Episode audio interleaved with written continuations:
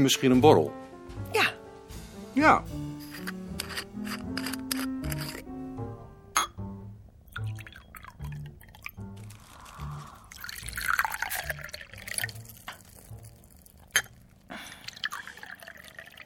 Kijk jij wel eens naar die breinbrekers die zaterdags in de krant staan? Dat probeer ik zoveel mogelijk te vermijden. Maar dat is niet goed, zeker. Waarom zou dat niet goed zijn? Dat dacht ik zo. Omdat je jezelf bezig moet houden, dacht ik. Ik vermijd ze ook. Oh, dat doe jij dus ook. Maar als ik dan per ongeluk de eerste regels lees, dan moet ik ze wel oplossen. En dan raak ik helemaal in paniek. Dat heb ik al na de eerste woorden. Omdat je bang bent dat je te stom bent. Nee, niet omdat ik te stom ben, geloof ik. Want ik heb dat bij alles. Ook bij een advertentie bijvoorbeeld. Als ik de eerste zin van een advertentie lees, dan moet ik hem helemaal lezen. Het telefoonnummer en al. Nee, dat heb ik geloof ik niet. Niet zo sterk tenminste. Ik heb dan het gevoel dat ik door ernaar te kijken de verantwoordelijkheid daarvoor op me heb genomen. Nee, bij mij is het meer dat ik het niet durf. Als ik het idee heb dat ik iets niet durf, dan moet ik het doen. Dat had ik als jongen al. Mijn moeder zei een keer, Maarten durft alles. Die kent geen grenzen. Maar ik durf eigenlijk niets. En daarom doe ik het dan. Dat is iets anders. Een soort dwanghandeling dus. Zo zou je het kunnen noemen. Dwanghandelingen heb ik natuurlijk ook. Als ik over een put rijd, dan moet ik ook over een tweede put rijden. Want twee keer hetzelfde is niks. maar vier keer hetzelfde is weer één. Zodat je in dat geval over vijf putten moet rijden. Zulke dingen. Dat is wel verdomd subtiel. Vind je? Ik dacht eigenlijk dat iedereen dat wel had. Ik heb natuurlijk wel dat ik niet op de randen van stoeptegels mag trappen. Niet altijd gelukkig, maar soms.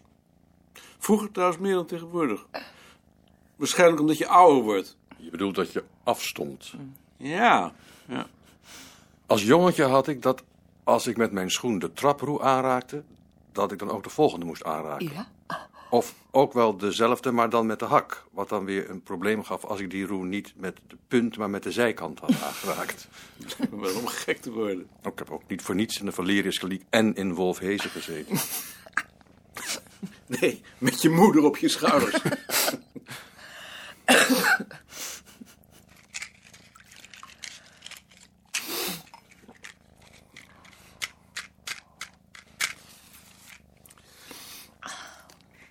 Hoe reageert je vader nou op de dood van je moeder? Die zit zich iedere avond eens eentje te bezat. Terwijl hij toch eigenlijk opgelucht zou moeten zijn. Ja, eigenlijk wel. Maar van mijn moeder mocht hij niet drinken, dus misschien is hij dat ook wel.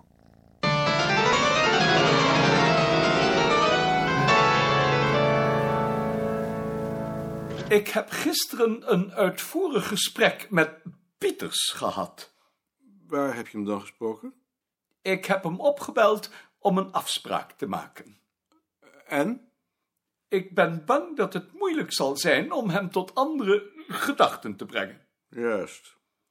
Hij blijft op het standpunt staan dat de redacteuren voortaan benoemd moeten worden door de redactieraad en dat er in ieder geval een redacteur voor Noord-Brabant en één voor Limburg moeten worden aangesteld.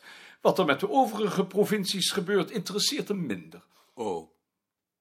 Ik heb gedacht, als wij nu eens aan de commissie voorstelden om Appel en Morsman tot redacteur Ik te vind het benoemen. best, maar dan stap ik eruit. Wij hoeven hen van onze kant toch niet als vertegenwoordigers van Limburg en Brabant te beschouwen. Ik doe het niet. Ik laat me door Pieters niet de wet voorschrijven. Dan zie ik echt aankomen dat hij ons opzij schuift. Hij is daartoe in staat. Dat moet hij dan maar doen. Je bent koppig. Ik ben niet koppig. Ik wil alleen niet in een tijdschrift zitten waarvan de redacteuren benoemd worden op hun regionale afkomst. Dat gaat dwars tegen mijn opvattingen van het vak in en ik kan me niet voorstellen dat de commissie dat niet met me eens is. Je hebt toch nog geen toezeggingen gedaan? Nee, ik heb hem nog geen toezeggingen gedaan. Ik heb een afspraak gemaakt voor een gesprek met z'n vieren. Wanneer is dat? Maandag de 28e om 4 uur in mijn huis in M- Middelburg. Halverwege.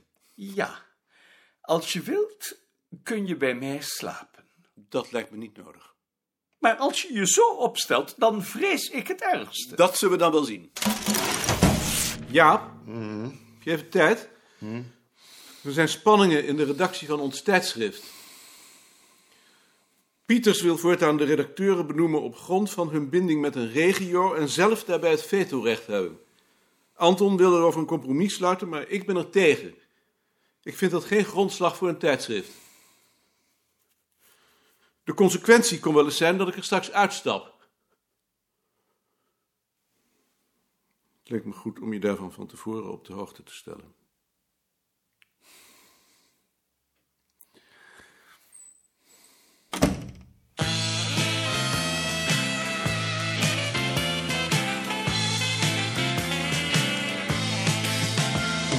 En die kerel vertelde hoe hij die collaborateur geliquideerd had. Zou zo'n man nou helemaal niet in de gaten hebben dat hij door zo'n interviewer gepakt wordt? Ben je gek? Daar is hij veel te stom voor. Maar het was toch wel moedig om dat te doen? Moeder? Om een beetje met zo'n pistool te zwaaien? Ik geloof toch niet dat ik dat zou durven? Want dat was in de oorlog toch echt heel gevaarlijk. Ach, meneer Goud, zulke mannen spelen toch gewoon soldaatje? Dat kun je toch niet moedig noemen? Nou, Zoals hij dat zei. Recht in het hart. Dat kan niet eens van zo'n afstand. Je kon zo zien dat het allemaal fantasie was. Kan dat niet? Op die afstand is het stom geluk als je zo'n man raakt. nou, ik vond het toch wel fijn dat zulke mensen er in de oorlog waren. Omdat u te veel jongensboeken hebt gelezen, meneer Goud. Waar hebben u het over? Heb je die film gisteravond niet gezien? Op de VPRO? Ik heb geen televisie. Voor zulke dingen moet je toch televisie hebben. Ik kijk anders ook nooit, maar dit had ik niet graag willen missen. Maar wat vonden jullie dan van die man die in Auschwitz had gezeten? Die trompetist. Dat je gewoon trompet kunt spelen als er iemand wordt opgehangen. Daar kon die man ook niks aan doen. Die moest dat van de Duitsers. Maar dan doe je dat toch zeker niet? Natuurlijk niet. Van wie was die film? Van Hofland en Verhagen en nog iemand, maar die zijn naam ben ik vergeten. Heel mooi, vond ik ook, dat die interviewer vroeg of hij dat wijsje nog eens wilde spelen. Maar dat deed hij toch maar liever niet. Vroeg u dat? Ik geloof ook dat ik dat niet gevraagd zou hebben. Nee, zoiets vraag je niet. Niet? Je kunt toch alles vragen? Dat niet. En zeker niet als je zelf niet in zo'n kamp gezeten hebt. Die moet er geweest zijn zeker, net als met Zuid-Afrika. Als je zoiets gedaan hebt, dan moet je er toch ook tegen kunnen dat er naar gevraagd wordt? Je kunt wel vragen wat iemand gedaan heeft, maar je kunt niet vragen om dan zo'n wijsje nog eens te zingen. Dat is sensatie. Zo'n man weet niet wat hij vraagt. Ik geloof dat die man heel goed wist wat hij vroeg. Die man wist het verdomd goed. Hij zette hem gewoon te kakken. Ja, ik begrijp ook niet waarom hij dat niet zou mogen doen. Omdat het goedkoop is. Je suggereert dat je zelf moediger zou zijn geweest. In dit geval kun je alleen maar luisteren. Eh, dat zie ik niet in. Als je van jezelf weet dat je dat nooit gedaan zou hebben, dan zie ik niet in waarom je dat dan niet zou kunnen vragen. Hoe weet je dat dan van jezelf? Nou ja, dat- dat denk je. Maar het was ook wel een aardige man. Nou, ik geloof dat ik me ook niet had durven verzetten. Ja, maar u bent overal bang voor, meneer Goud. ik ben overal bang voor, daar hebt u wel gelijk in.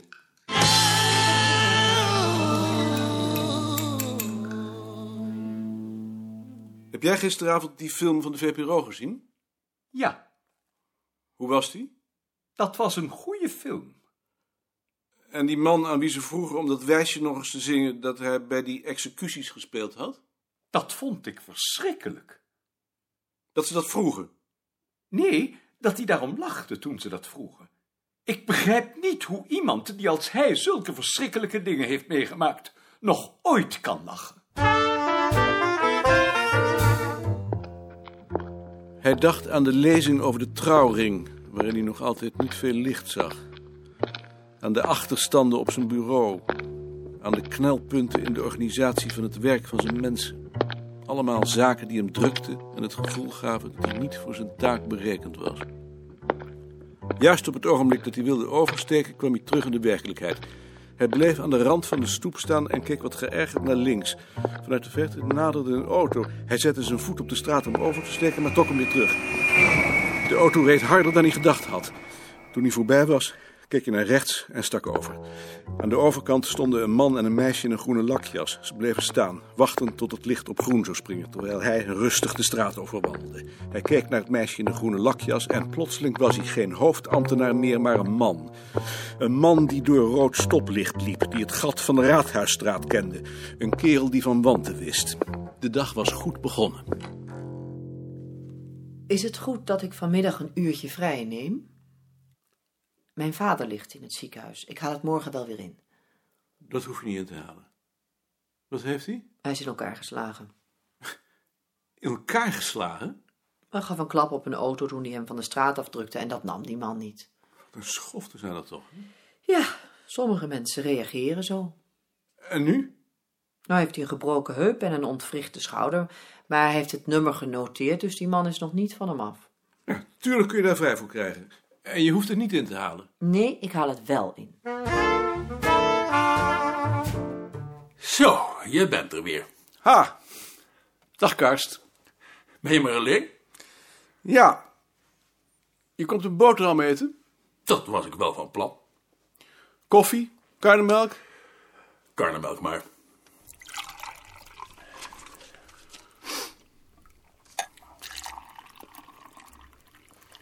Verschijnt er nu ook nog wel eens iets wat de moeite van het aanschaffen waard is? Ik heb de indruk dat het tegenwoordig niet veel meer is. Zelden. Hoe was het in Hongarije? Ik heb een brief van Jelena gehad dat jij met je optreden nogal wat opschudding hebt veroorzaakt. Maar dat Anton de situatie gered heeft. Ik kan niet met Harvard iets overweg. Dat kan ik me voorstellen. Ik begrijp toch al niet hoe je het in dat gezelschap uithoudt. Ik ben blij dat ik daar nooit mee te maken heb gehad. Ach. Ik zeg gisteren nog tegen Lies. Lies is mevrouw, zoals je weet. Ik heb het eigenlijk altijd bijzonder getroffen met de mensen met wie ik samen moet werken. Ja, niet met de mensen op het museum natuurlijk. Want dat is, onder ons gezegd, een stelletje brandhout. Op een enkele uitzondering na dan, maar met mijn buitenlandse collega's vooral. Over het algemeen zijn het allemaal bijzonder aardige mensen. Ja, dat heb je als meer gezegd. Je bent te benijden. Zij ook natuurlijk. Tuurlijk.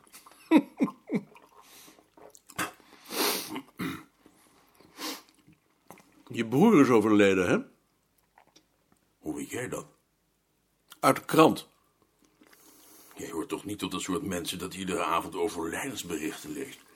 Ik vind dat heel rustgevend. Nou, ik kan me interessante lectuur voorstellen. Was je eigenlijk gesteld op je broer? Gesteld. Het woord niet. Ik geloof niet dat ze elkaar bijzonder mochten. Hij was negen jaar ouder. Maar dat heeft hij me laten merken ook.